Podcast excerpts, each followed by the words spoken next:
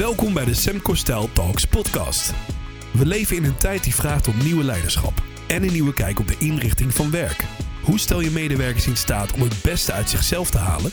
Wat staat organisaties te doen om een aantrekkelijke werkgever te zijn voor huidige en toekomstige generaties? In deze podcast ontleden we deze vraagstukken laag voor laag. Welkom bij Semcostal Talks, de podcast waarin we op zoek gaan naar de organisatie van morgen en de toekomst van werk. Ik ben Luc Willems en naast mij zit co-host Axel Mepeddy. Goedendag. De gast is Arco van Brakel. Leuk om hier te zijn.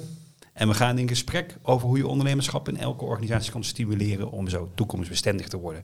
Maar allereerst uh, een introductie van onze gast. Arco van Brakel is medeoprichter van Sam Kristal Institute, ondernemer per sang, veelgevraagd adviseur, spreker, coach en directeur van de Cleantech Regio.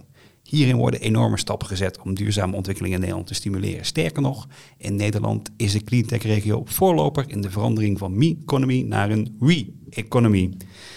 Reden te over om in gesprek te gaan over het thema ondernemerschap. Maar voordat we dat doen, uh, we beginnen onze podcast altijd met een vraag die we glashard hebben gehad van Jurgen Rijman. Simpelweg omdat hij zo goed is. Wie is je vader? Wie is je moeder? Arco. Ja, nou, mijn vader uh, heette, hij leeft helaas niet meer, uh, Dirk van Brakel. Uh, en die was het grootste gedeelte van zijn werkzame leven gemeentesecretaris. meestal van kleinere gemeentes, want hij hield vooral van het dorpse leven en daar een, een bijdrage aan leveren. Dus ik kom uit een ambtenarengezin. Uh, dat heeft denk ik mij wel wat gedaan. Dat heeft me een bepaald arbeidsethos opgeleverd. Hè. Mijn vader zei altijd, zorg eerst maar voor je plichten en dan komen daarna je rechten wel. En dat vind ik op zich heel goed. Ik heb alleen van Ricardo Semler later geleerd, hè, onze compagnon, dat dat voor teams niet het meest effectief is. Maar daar komen we vast zo meteen nog wel even op terug. Want jezelf wegcijferen voor het team is uiteindelijk niet het allerbeste. Maar, want je krijgt de beste teams als iedereen zijn doelen kan halen. En dat staat een beetje haaks op dat idee van eerst je rechten, dan je, eerst je plichten, dan je rechten. Maar tegelijkertijd een arbeidsethos waarbij je gewoon je best doet om dienend te zijn voor je omgeving, voor de samenleving. Dat vind ik wel een heel belangrijk ingrediënt van ondernemerschap. Want uiteindelijk moet je gewoon betekenis zijn voor je, voor je omgeving. Dat heb ik van huis uit echt meegekregen. Uh, mijn moeder uh, was uh, huisvrouw. En dat wou ze eigenlijk niet, want ze is een hele ondernemende vrouw. Maar in de jaren zeventig was het gewoon echt not dan als je als vrouw van de gemeentesecretaris ook een baan had. Dus eigenlijk was het vrouw van de gemeentesecretaris zijn haar baan. En dat heeft ze eigenlijk nooit echt heel erg leuk gevonden, heb ik wel eens het idee. Ook mijn moeder is niet zo heel oud geworden, die is zeg maar 59 geworden, is uh, vrij jong uh, overleden. Um, wat heel jammer is, want ik heb eigenlijk wel later pas geleerd, eigenlijk in een training uh, bij de Baak, waar ik destijds directeur was, dat mijn moeder veel bepalender is voor mijn leven geweest dan, dan mijn vader.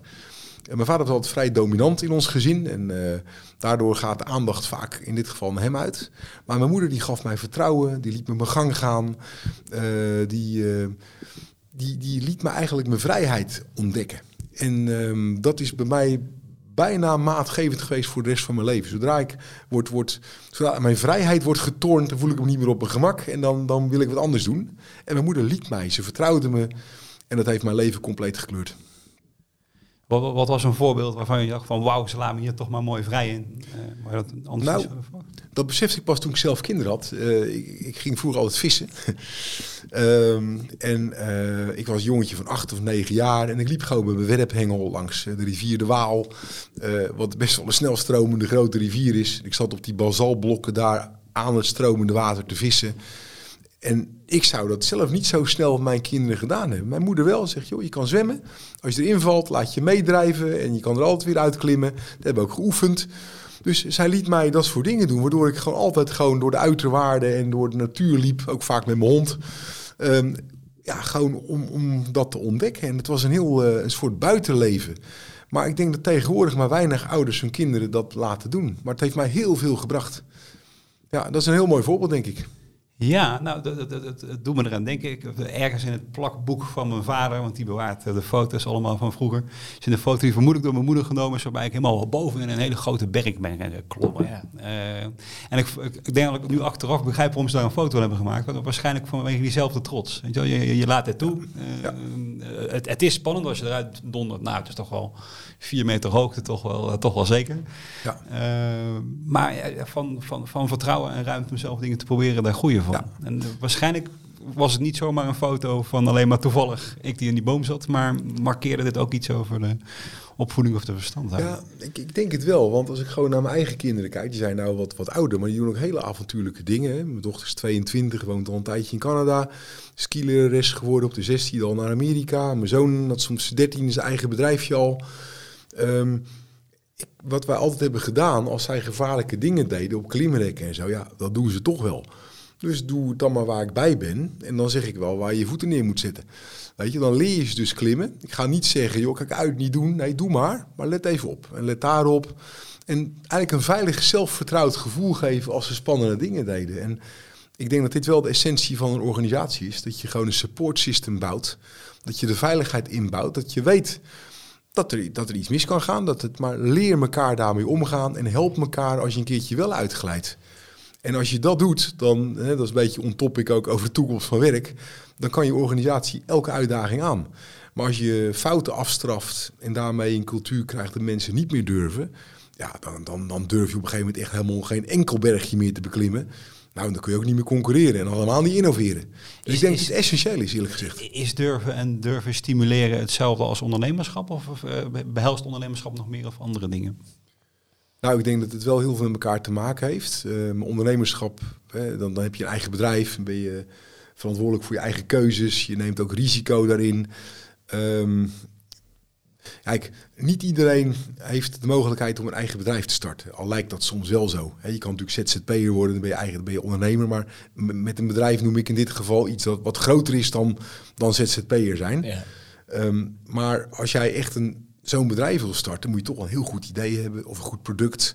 eh, een bedrijf over kunnen nemen. Het, misschien een bedrijf van je ouders over kunnen nemen. Of, en niet iedereen heeft zo'n kans in zijn leven. Dat het idee op het goede moment komt. Dat je de funding kunt regelen. Dat je die. Dus, dus er komt best wel veel geluk kijken bij, bij de start van een onderneming. En sommige mensen hebben wat meer geluk dan anderen.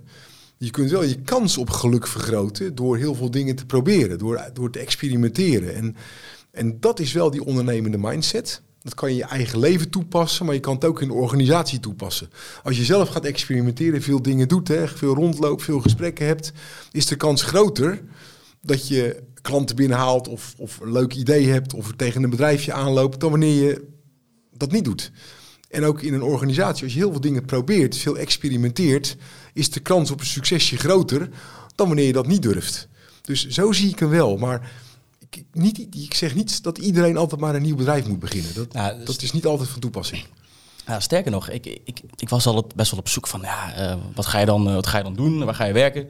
Eh, ondernemen, ja, dat, dat zag ik me eigenlijk zelf niet echt doen. Dus als ik je nu zo hoor zeggen van, ja, ondernemerschap, dat is als je ondernemer bent en een bedrijf start. Ik heb eigenlijk de afgelopen jaren wel een hele andere kijk gekregen op het, het ondernemerschap. Ehm, want ik zag mezelf niet echt een, eh, een eigen onderneming starten. Ehm, maar hier zo werkend bij, bij Sam Costa Institute, ja, het, het is wel ondernemen. En het ondernemerschap zit wel gewoon in de mensen met wie je werkt. En dat gaat voor mijn gevoel dan verder dan enkel een, ondernemers, een onderneming starten. Dat gaat meer precies wat je zegt over de ondernemende mindset. Ehm, en ja, ik denk dat dat gevoel is gestart bij mij dat ik geen ondernemer wilde worden. Dat ik mijn moeder nou, gewoon in een vrij bureaucratische baan zag. En die is later ondernemer geworden. Ehm, omdat hij ja, gewoon weg wilde van, eh, van de baas en eh, van al die regels. Ehm, dus ik dacht van ja, weet je, als ik in ieder geval in een organisatie treed, dan ben ik in ieder geval geen ondernemer. Maar ik, ik zie dat op zich wel, eh, wel anders. Dus ik zie inderdaad gewoon mensen die met een ondernemende mindset in een organisatie zitten, ook gewoon als een, een kleine ondernemer. Misschien een beetje micro, micro ja, ondernemerschap, hoe noem je dat? eh, Ja. het concept. eh, Ja, voor intern ondernemerschap. Ja, intern In- in- ondernemerschap. Entrepreneurship. Ja. Nou, in elk geval is het ondernemend Ja. wat je doet. Ja, dus, eh, precies. Ja.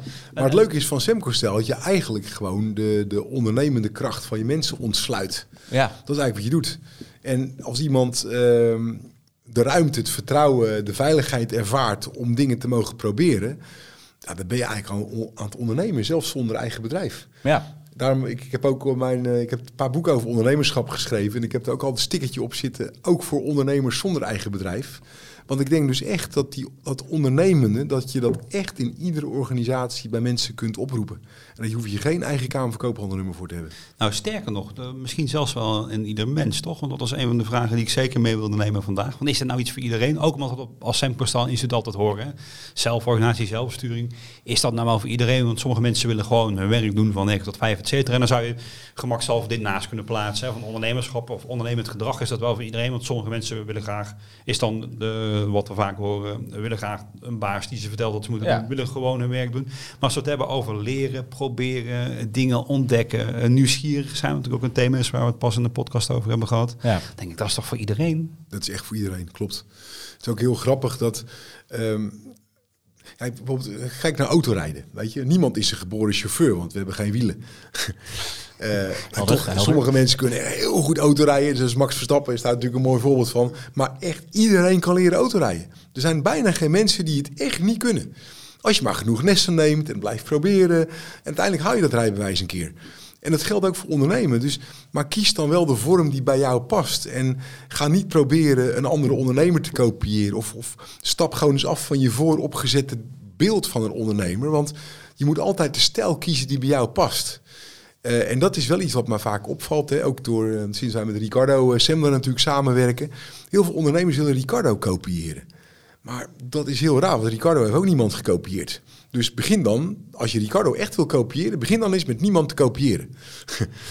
Want dat is namelijk het idee. Want eh, ondernemen is, heeft zo met je eigen authentieke zijnskwaliteiten te maken. En ehm, jouw talent, jouw belangstelling, jouw ideeën bepalen je ondernemerschap. Dus als jij dat gaat proberen te doen op de manier van iemand anders, is de kans niet groot dat het succesvol wordt. Maar als jij de ruimte voor jezelf creëert of de ruimte krijgt om met jouw kwaliteit en jouw talenten jouw ondernemerschap te etaleren, dan is de kans wel groot dat het gaat lukken. Maar stap dan even af met je, van je vooropgezette ideeën van een ondernemer. Ja. Want als je goed gaat kijken, zijn er zoveel verschillende soorten ondernemers. Dat er altijd wel een manier bij zit die, die voor jou ook geschikt is. Nou, wat eronder zit is wat universeler. Dat is proberen, experimenteren, eh, beginnen. Eh, durf iets te doen waarvan je de uitkomst nog niet, nog niet zeker Ja, maar daar, daar is wel iets voor nodig. Dus als we daar dan even op inzoomen. Ik kwam een organisatie binnen en ik dacht van oké, ik ga zeker geen ondernemer worden. Eh, er is dus een drempel die ik over moest gaan. Die onder andere te maken heeft met de omgeving, met de cultuur. eh, maar ook met, met de mensen met wie je werkt. De leiders in de organisatie. Die moeten dat op een bepaalde manier toch wel laten zien van oké, hier binnen is dat mogelijk.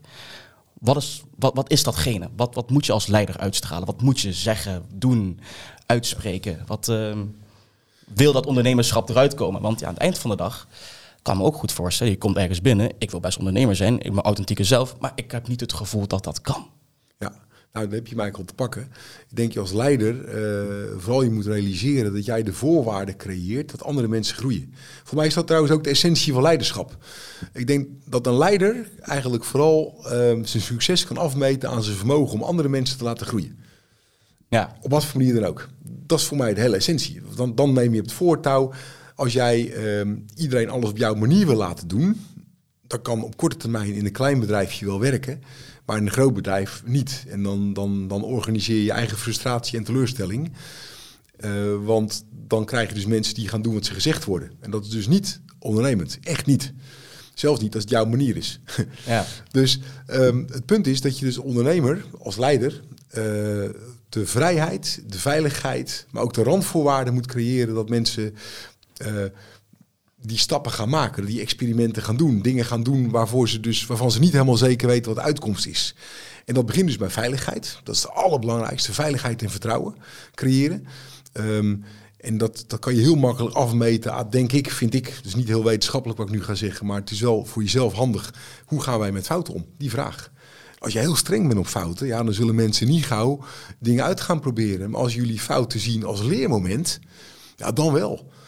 Dan ga je dus dingen fouten delen, dan ga je ervan leren, word je er beter van en dan gaan mensen experimenteren. Ja. Nou, dat kan je als leider heel goed doen. Maar ook heel belangrijk is dat je dan ook wel zorgt dat je alle informatie deelt. Want als jij jouw positie als manager of als leider alleen maar hebt dat jij een informatievoorsprong hebt, hè, van het kennis is macht idee, daar krijg je beslist geen ondernemende organisatie van. Integendeel zelfs. Dus dat is ook een randvoorwaarde en die kan je heel makkelijk invullen door alles gewoon te delen. Maar dat is best moeilijk voor veel leiders. Zijn er nog meer randvoorwaarden waar je aan zou denken? Ehm, ja, nou, de randvoorwaarden is ook wat voor budget geef je mensen mee waarmee ze mogen experimenteren. Hè. Dat zijn allemaal dingen die je kunt afspreken. Eh, maar ja, hier begint hij al mee hoor. Maar een, een, een hele belangrijke als je organisatie wat groeit, is dat je de uh, machtsafstand zo klein mogelijk houdt.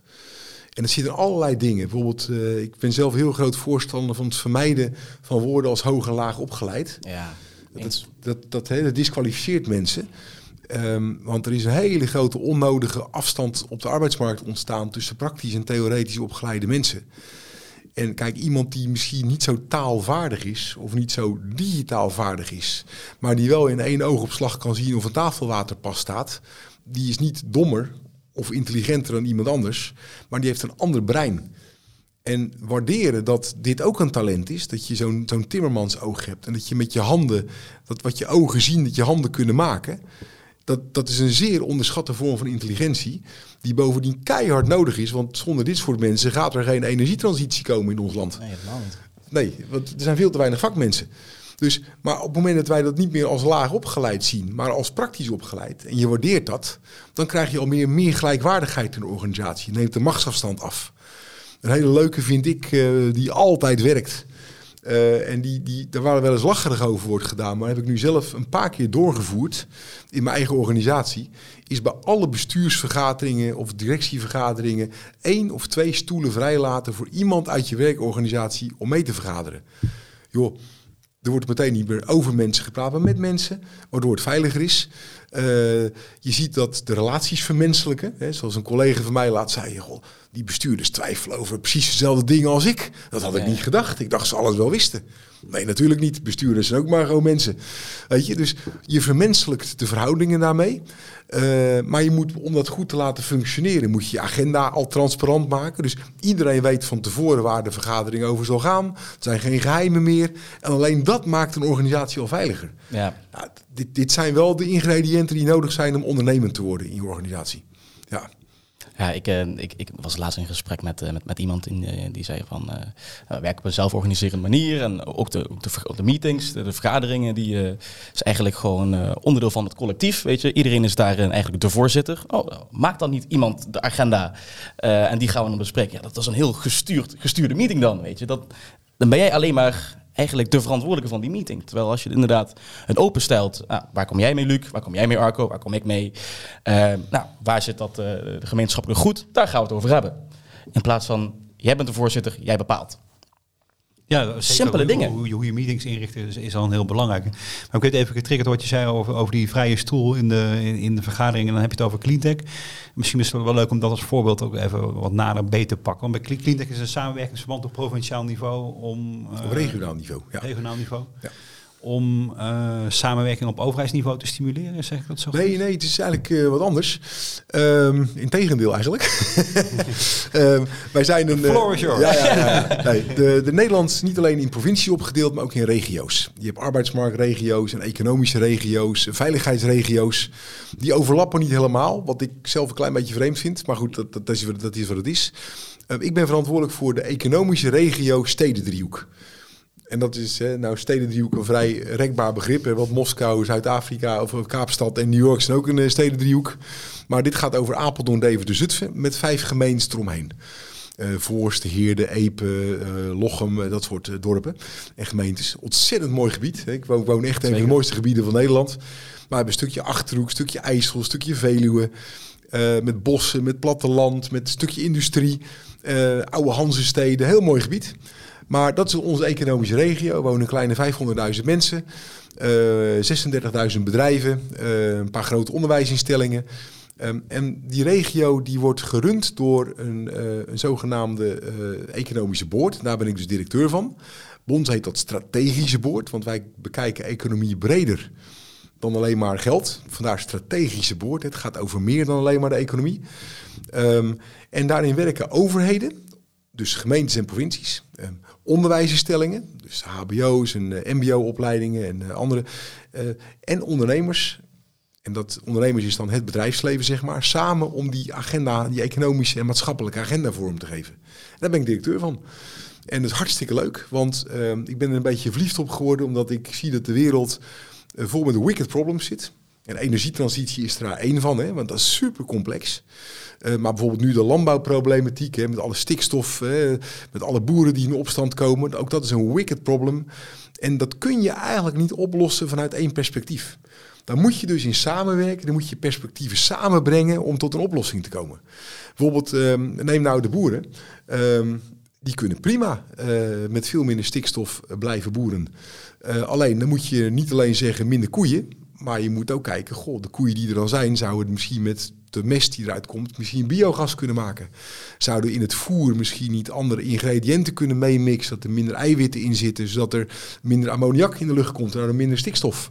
Uh, kunnen we niet zorgen dat we in uh, het boerenbedrijf dat we helemaal heel de schuur volleggen met zonnepanelen. Zodat die boer daar een business case heeft om onderdeel van de energietransitie te worden. Kortom, en kunnen we niet de landbouwgrond gebruiken om bijvoorbeeld uh, hennep te verbouwen en niet voor drugs.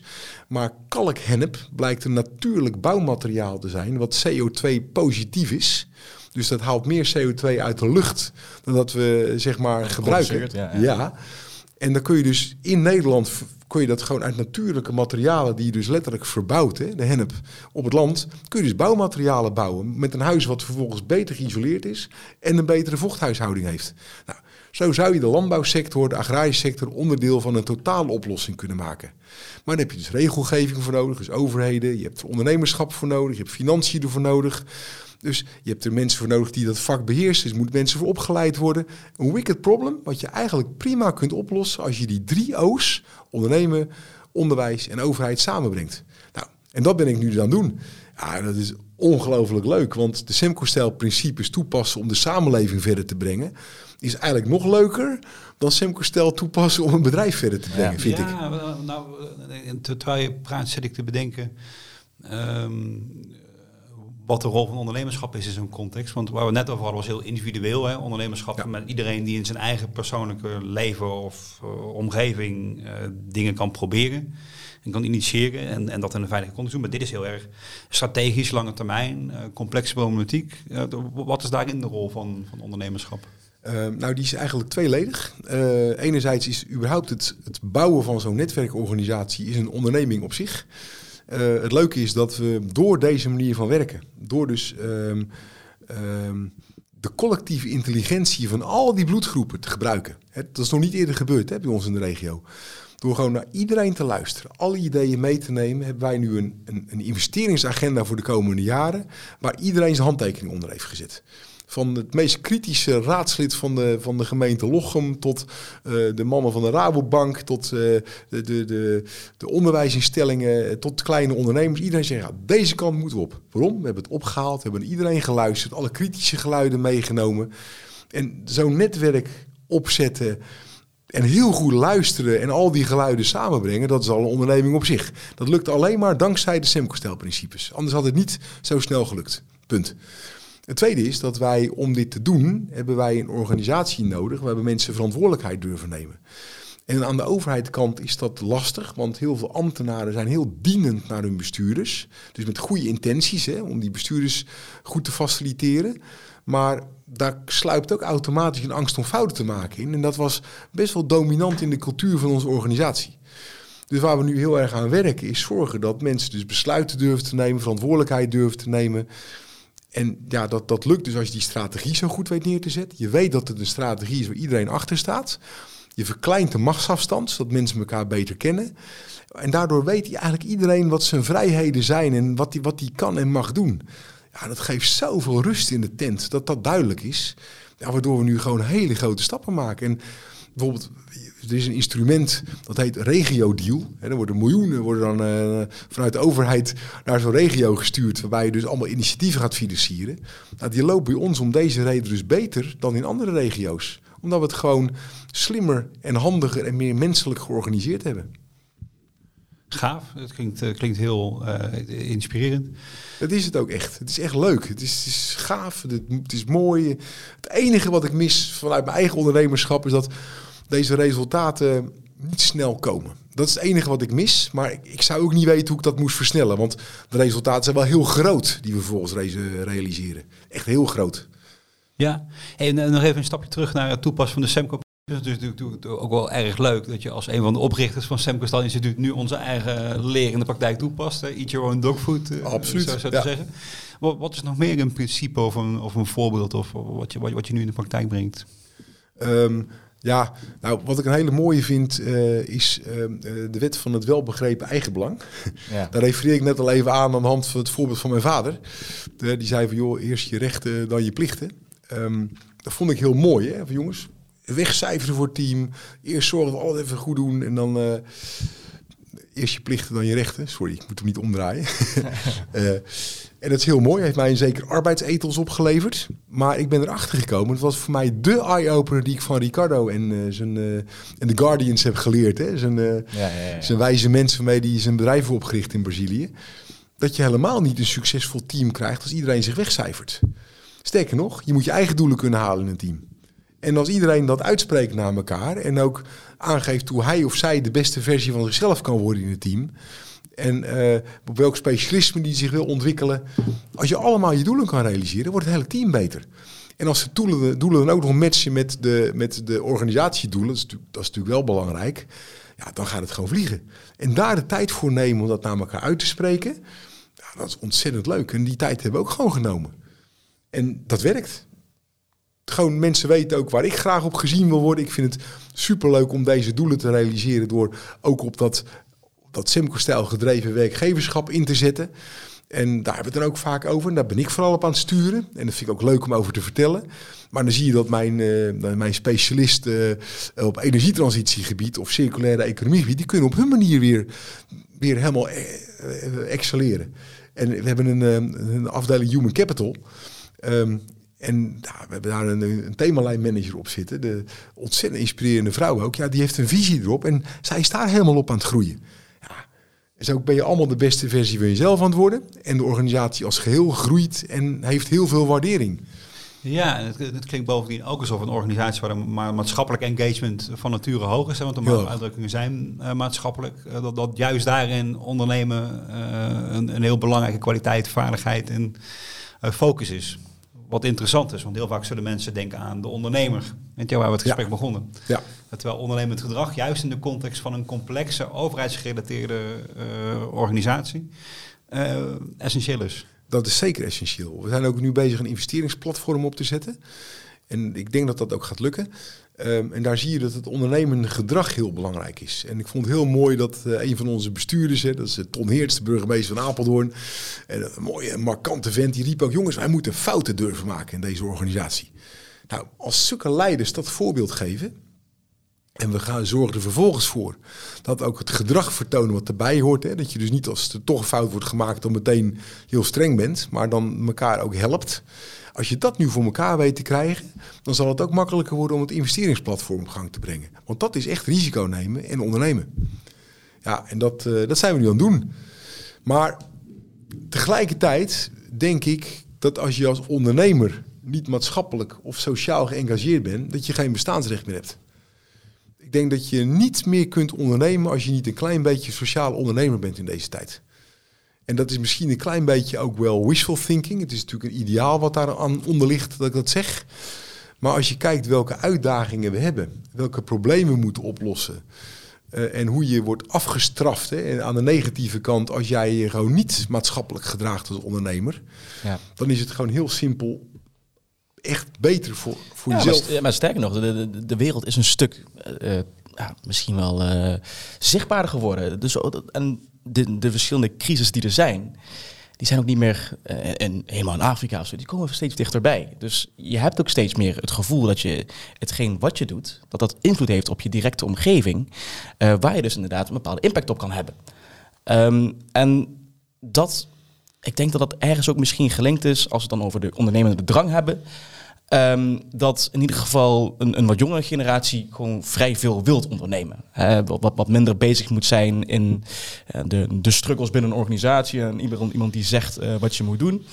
Ehm, maar ergens baart het me ook een beetje zorgen dat het dat er ongelooflijk veel ondernemingen worden gestart en dat iedereen met een personeelstekort zit. Dat, ergens zit daar toch iets, iets tussen dat, dat we willen ondernemen, maar we voelen ons wel een beetje ja, gelimiteerd door de ondernemingen waar we dan in zitten. Ja.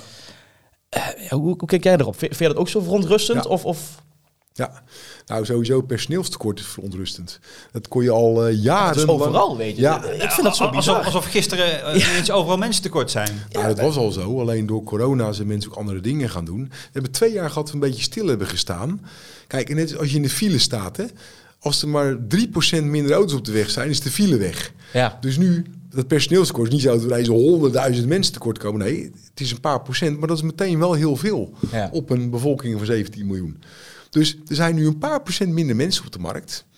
Eh, en dat, lo- dat loopt best wel hard op trouwens. Maar daardoor ga je het in één keer ga je het merken. Eh, ik begreep van, eh, van de bestuursvoorzitter van Saxion, dat is een hogeschool bij ons in de Ja, regio, ja. dat er in 2025 25% minder instroom van jonge mensen is dan in het jaar 2000. Dat is, dat is heel veel. Is vergrijzing daar de grootste? Dat is, ja, dat is vergrijzing, zonder meer Vergrijzing. En dan hebben we als turbo erop hebben we eigenlijk twee dingen. Ehm, dat we ook nog eens een keertje eh, minder uren werken. Met z'n allen. Mensen willen eigenlijk ietsje minder werken. Terwijl je het hele arbeidsprobleem op zou kunnen lossen als iedere parttimer één of één tot drie uur meer werkt. Dat is het hele probleem weg. Ja. Maar dat is weer niet aantrekkelijk, omdat er eh, zoveel toeslagen zijn. En dan kan je in één keer, krijg je geen kinder, eh, kinderopvangtoelagen meer. Ja, het heel raar georganiseerd in Nederland. Te veel regels, waardoor werken niet meer loont. Dat vind ik een hele boeiende. Terwijl werken zou gewoon moeten lonen, want het is Ja, ook leuk. Dan moet Ja, geëngageerd zijn. je. natuurlijk. Dan moet, je- moet je Ja. jezelf kunnen vinden. En het is iedereen ook zo. Ja. Maar ja, maar als je helemaal de tandjes werkt en je krijgt er geen cent meer voor, ja, dan, is het, dan snap ik ook wel dat je dan denkt van ja, god, dan doe ik toch maar drie uur minder. Ja, ja. Maar drie uur meer per week lost het probleem al op. Nou, dat is dus een ding. En een andere turbo op de trend is de vergrijzing zelf. Dat de uitstroom van ouderen groter is dan de instroom van jongeren. Op dit moment. Ook nog een ding. En dan heb je nog een extra probleem waar ik me dan heel erg mee bezighoud. Dat van dat kleine percentage, dat krimpende percentage jonge mensen, wat de arbeidsmarkt opkomt, dat daar ook nog een krimpend percentage van kiest voor een vak met zijn handen. Terwijl we die het hardste nodig hebben. ja. Echt, echt. En- zonder vakmensen is er geen energietransitie. En Blijf maar doen. dat gaat dan weer terug naar de, de vergelijking die je eerder maakte. Naar dat, eh, het hoog en laag eh, Ja. schalen van... eh, hè, de, de ene is duidelijk dan beter dan de ander. Weet je, je wil niet in het lage segment zitten. Eh, en ik had ook laatst een, eh, een gesprek mee met iemand van... eh, ja, maar ik heb, ik heb dus gestudeerd. Toen dacht ik van, oké, ho eens even. Als we het dan over woorden hebben... Heeft dan iemand die dat volgens de termen lage school dus, dus niet gestudeerd? Bij- naar de technische, naar de technische Ja. school gaan ze toch ook gewoon studeren? Ja, natuurlijk is dat Ja, studeren. dat is het gewoon, dat is gewoon ontwikkelen, dat is opleiden. Dat- dat-. Hoezo is dat anders dan, dan theoretisch? Omdat ik iets betere woorden kan gebruiken dan jij, Luc. Dan wat misschien, ja, misschien wel zo is. Nee. maar, Zo, eh, zo maar- stel het niet voor hoor. Nee, maar dat, dat, dat, eh, het is toch gewoon veel beter als je iets complex simpel kan uitleggen. En Ja. daardoor juist met je woorden veel meer kan bereiken dan Ja. weet je, in, in je upper segmentje ehm, ja, een beetje neerkijkt op, op de rest van de mensen. Het zit in die woorden en daar moeten we toch wel gewoon over kunnen praten. Dat hoog en laag toch niet de juiste eh, eh, terminologie is voor eh, een samenleving inrichten. Nee, maar ja, weet je, het is heel simpel. Wat is er erger? Dat je bankdirecteur een dagje ziek is, of dat de loodgieter een dagje ziek is. Ja, ik wil Ik weet graag douchen. Ja, weet je, ja, Ja. eh, heel simpel. Ja, het is, eh, maar we zijn dat gaan onderwaarderen, dat vakmanschap. In Duitsland wordt het wel gewaardeerd. Daar ben je meester. Veel je meer, vakmanschap- veel meer, ja. Klopt, ja. En daar zie je ook dat het probleem minder groot is. Ja, hoorde ik, ja. Ja, dus, eh, dus ik denk dat een herwaardering voor vakmensen, of het nou de zorg is, of, of, of, of inderdaad in de techniek, of, of docenten. Want wat leraar zijn is ook een vak. Dat is echt een, een, een vakbekwaamheid je Ja, sterker nog, ik, eh, ik, eh, ik, ik, lees, eh, lees nu een boek van Jared Diamond, Upheaval. ehm, waarin eigenlijk verschillende casussen over de wereld worden, worden besproken, waaronder die van Finland. En in Finland is eigenlijk docent op een middelbare school wordt hoger gewaardeerd dan eigenlijk ehm, eh, mocht je op de universiteit lesgeven. Waarom? Omdat daar begint zeg maar, het, het, het werkend brein van een nieuwe generatie echt, echt handen en voeten te krijgen. Dus als je daar mensen met een, met een specialisme, met, met eh, de slimme koppen bij elkaar zet, dan ga je een generatie bouwen die gewoon ongelooflijk geëngageerd is, weet waar ze het over hebben. Toen dacht ik van ja, weet je, je hoeft ook niet te wachten tot je, tot je 18 of 19 bent om eh, tussen de slimme mensen te zitten. Dat moet gewoon vanaf eh, vanaf het begin af aan eh, van je opleiding, eh, misschien als je tien bent, acht bent, moet dat kunnen starten. Hè? Hetzelfde wat Ricardo doet, hè? Lumiar. Gewoon al vanaf vroeg af aan gewoon beginnen met jongens, hey, ehm, we kunnen ook op een fatsoenlijke manier kijken naar wat vind jij leuk en hoe kunnen we dat een bepaalde plaats geven in het collectief waarin je zit. Ik dacht van ja, weet je, dat vind ik een vrij heldere gedachte. Is het ook. Ja. Ja, als we op die manier wat meer, meer waarderend kijken. Maar dat is voor mij ook de essentie. Als je nou praat over, over ondernemerschap en ondernemendheid stimuleren. Dan gaat het eigenlijk vooral om dat mensen met hun eigen talent gewoon de beste versie van zichzelf mogen worden. Ja. En dat begint met die waarderende kijk naar elkaar. En wat mij wel heel erg opvalt hè, in de cultuur, en dat zie je vooral bij organisaties die heel druk zijn, mensen heel erg klem zitten, dan is de neiging, als je dan bijvoorbeeld om feedback vraagt, dan zal er nooit iemand zeggen, nou dat en dat en dat vind ik goed en dat zou beter kunnen. Nee, in een drukke organisatie waar mensen hard werken, gaan mensen altijd zeggen wat niet goed is aan wat je hebt gevraagd. Dat kun je als leider oplossen of als, als vrager oplossen. Dan zeg je, joh, wat vind je goed en wat kan er beter? Dus dat helpt al. Maar eigenlijk is het raar dat dat nodig is. Want waarom moet feedback altijd negatief zijn? Ja. Je kunt ook zeggen wat er goed gaat. Ja, Maar en mijn meet- punt is- natuurlijk ook, hè, dus, dus dat je de eh 55 van de 60 minuten gaan over één ding wat beter moest. Ja. Ja. En, en niet over al die gave dingen die goed Ja, zijn. want het meeste gaat in ons land ook iedereen zegt, ah, Nederland gaat slecht. Nou, voor mij gaat steeds 99% heel goed in Nederland. Ja. Ja, ja, ja. Hey, maar nog even, nog even terug naar wat bespiegeling op het thema ondernemerschap. Hè? Want ik zat net even te luisteren, we hadden over vakmanschap. En ik zag die, die vakmanvormen, waar ik overigens echt eh, serieus diep respect voor heb. Eh, die kunnen dingen die ik gewoon echt niet kan. Zoals mijn oude Passat pas helemaal onder handen genomen door een, door een hele goede garagist. En die, en die rijdt nou weer heerlijk. Eh, maar het, het zat ik te denken, maar is, is ondernemerschap daar nou van belang? Want een goede vakman worden voelt wel anders dan een ondernemer die moet proberen en leren. Het is het oudste vorm van ondernemerschap. vakman. Nou, en Ja. sterker nog, eh, en daar, daar is het ook wel fijn om de definitie van ondernemer vanuit verschillende kanten te belichten. Echt, De definitie die we ook, ook in de tijd bij de bank hanteerden voor intern ondernemerschap was je talent gebruiken om eh, ten bate van anderen. Weet je, en eh, en, en dat, dat doet een vakman natuurlijk ook. Hè. Eh, Waar ben je goed in?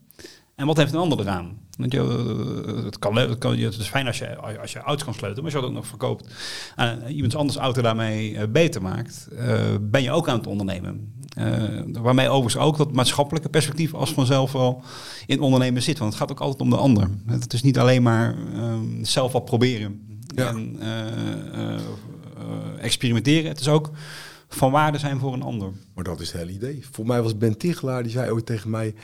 Arco zegt hij, als je echte problemen echt oplost voor echte mensen... heb je altijd echte business. Ja. Zo simpel is hij. Dus welk probleem los jij op? En ja, en dan, dan als je dat gebruikt als essentie voor je ondernemerschap. En tegenwoordig kan je het natuurlijk ook best wel maatschappelijk invullen. Hè? Dat je dus niet alleen het probleem van je klant oplost, maar dat je dat meteen gebruikt om ook het probleem voor de planeet op te lossen. Hè? Doe het circulair. Of, of, doe het, eh, of ga dingen repareren in plaats van weggooien. Ja. Repareren is ook beter dan recyclen hè, voor de planeet. Dat Ja, zei, ja, eh, zeker. Eckhart Winsen heeft het ooit al gezegd. Ehm, maar los vooral een probleem op. En liefst twee tegelijk. Dan, eh, dan, dan ben je echt pas echt aan het ondernemen. Maar je weet, er zijn eigenlijk drie soorten ondernemers. Ehm, de oudste is de vakman. Dus of de artiest, of de professional, ja. of eh, hè, dus een banketbakker, of een advocaat, of een, ambacht, eh, ja. of een trainer, of een, eh, ja, of een loodgieter, of een, weet je, dat zijn die echte, of een boer. Eén persoon die iets kan. Ja, ja, en die daar een bedrijfje omheen. En dan ook zijn, en met het meestergezelsysteem zijn kennis overdraagt. Ja, vind ik machtig mooi. Vind ik echt een van de leukste vormen van ondernemen als je mijn in mijn hart kijkt. Ja. Dat komt ook dat ik zelf zo iemand ben. Ik dacht altijd dat ik de tweede variant was, de entrepreneur. Maar dat ben ik dus niet. Entrepreneur is iemand die uit het niets een bedrijf kan bouwen. Die, de Richard Bransons van deze wereld. Ja, ja, ja. ja. Eh, ik denk Elon Musk, prachtig voorbeeld. Man, bam, nou Twitter dan niet nu, maar, maar die gewoon elektrische auto's, ruimtevaart, een, een betaalplatform. Hij, hij bouwt het gewoon.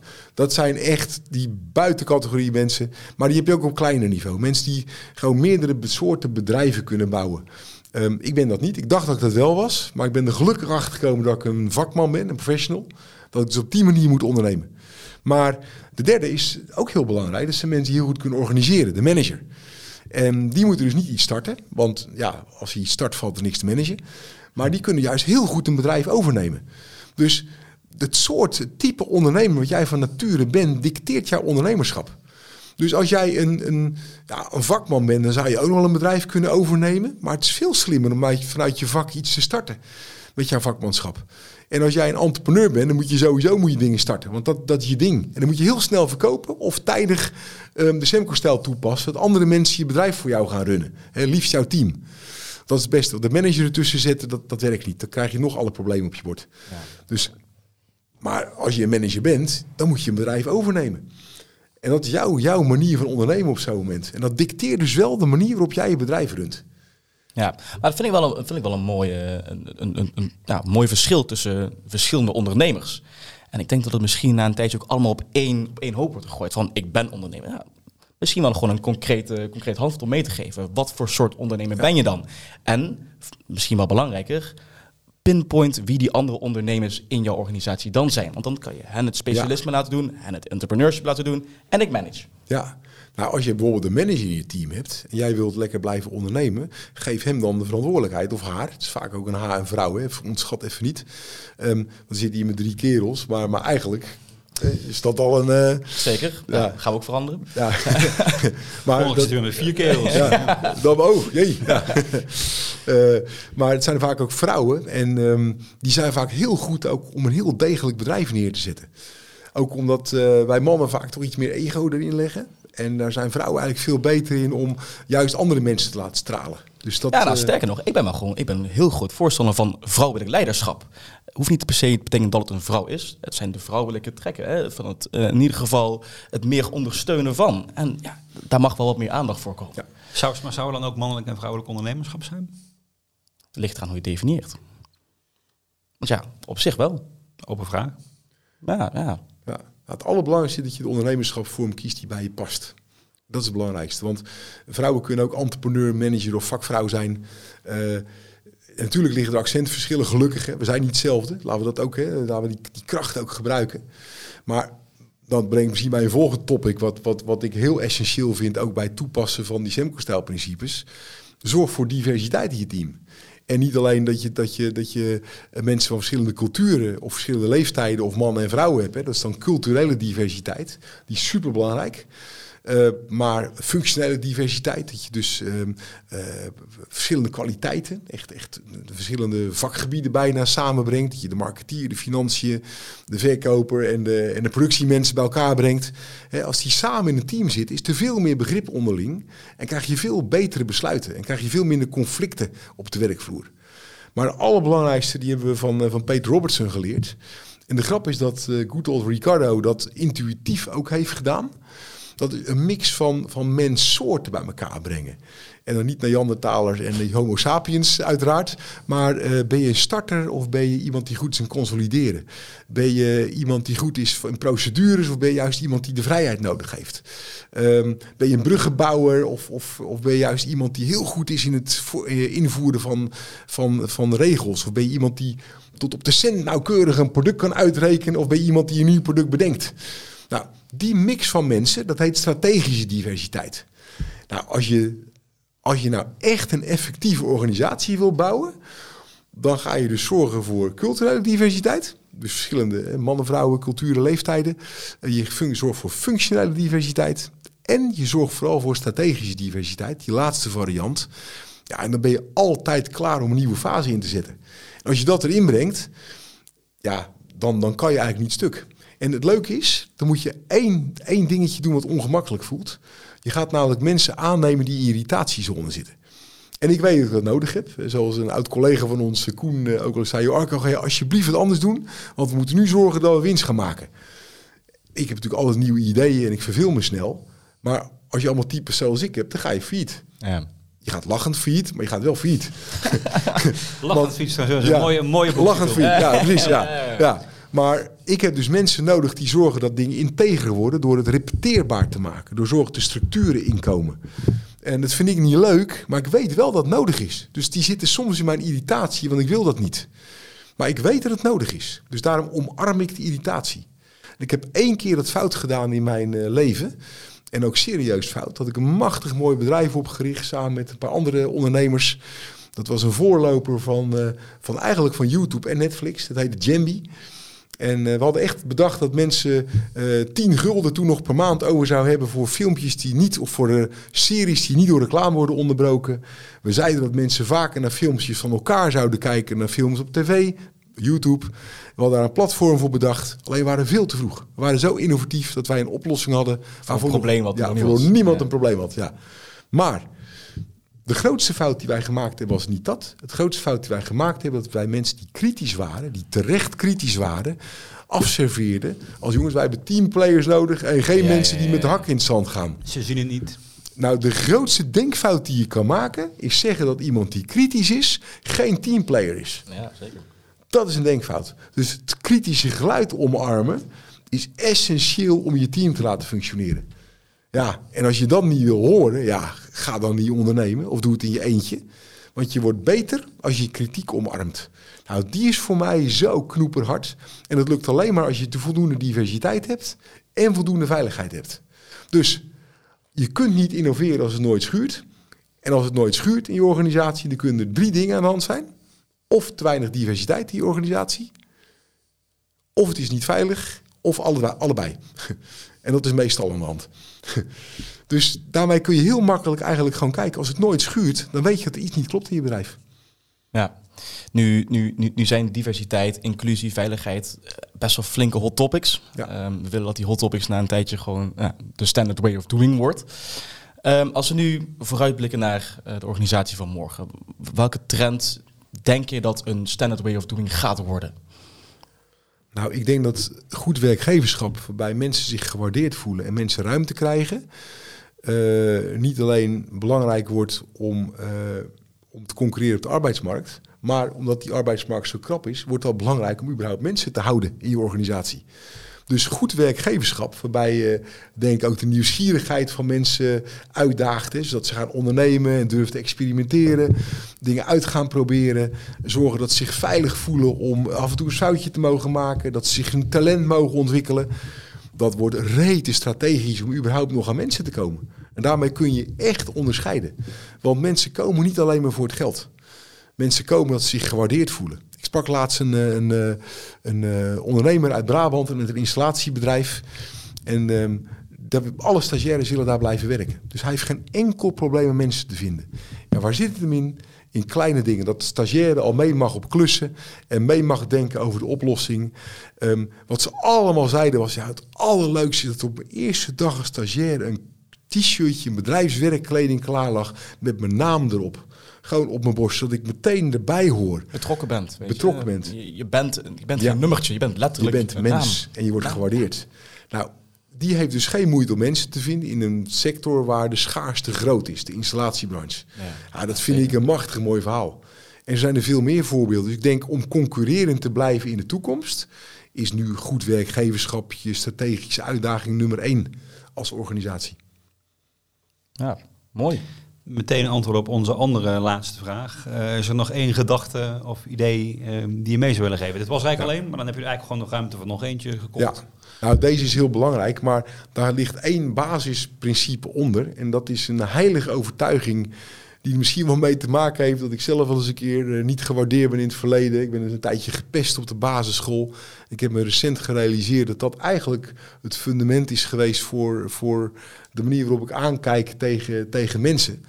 Ehm, want hele gewone mensen zijn tot buitengewone dingen in staat als je ze waardeert en de ruimte geeft.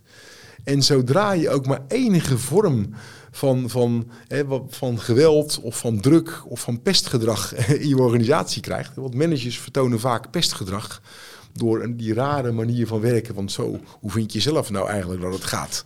Het is verschrikkelijk, die functioneringsgesprekken, hoe, hoe dat allemaal loopt. En hoe je dan dingen moet afvinken. Terwijl als je gewoon eens waarderend naar mensen kijkt. En gewoon eens kijkt, goh, hoe zou jouw talent nuttig kunnen zijn voor deze organisatie? Hé, hey, jij bent anders. Hoe zouden we die kwaliteit kunnen gebruiken om aan onze, onze diversiteit toe te voegen? Dat we andere ideeën krijgen. Als je dat doet, dan word je gewoon zo'n ongelooflijk winnende machine als organisatie. Waarbij het werkplezier samengaat met goede resultaten. Je ziekteverzuim gaat omlaag. Je gaat de collectieve intelligentie van je mensen ga je, ga je omhoog halen. Zodat je eigenlijk elk probleem kunt oplossen met elkaar. Maar dat begint met de opvatting dat hele gewone mensen tot buitengewone dingen in staat zijn. Als je ze daartoe uitnodigt. Ja, voor mij is dit de essentie van Semco Style Instituut, de essentie van goed werkgeverschap en de essentie van een mooiere samenleving. En het kost precies evenveel moeite om te kijken wat iemand goed doet, als om te kijken wat iemand fout doet. Dus ja, waar wil jij energie in steken? Dank Mooi, voor het dank. eh, mooie gesprek, eh, Arco. Heel graag gedaan, vond het heel leuk. en laten we die wereld een beetje beter maken samen. Semco Style Talks. Werken in de wereld van morgen.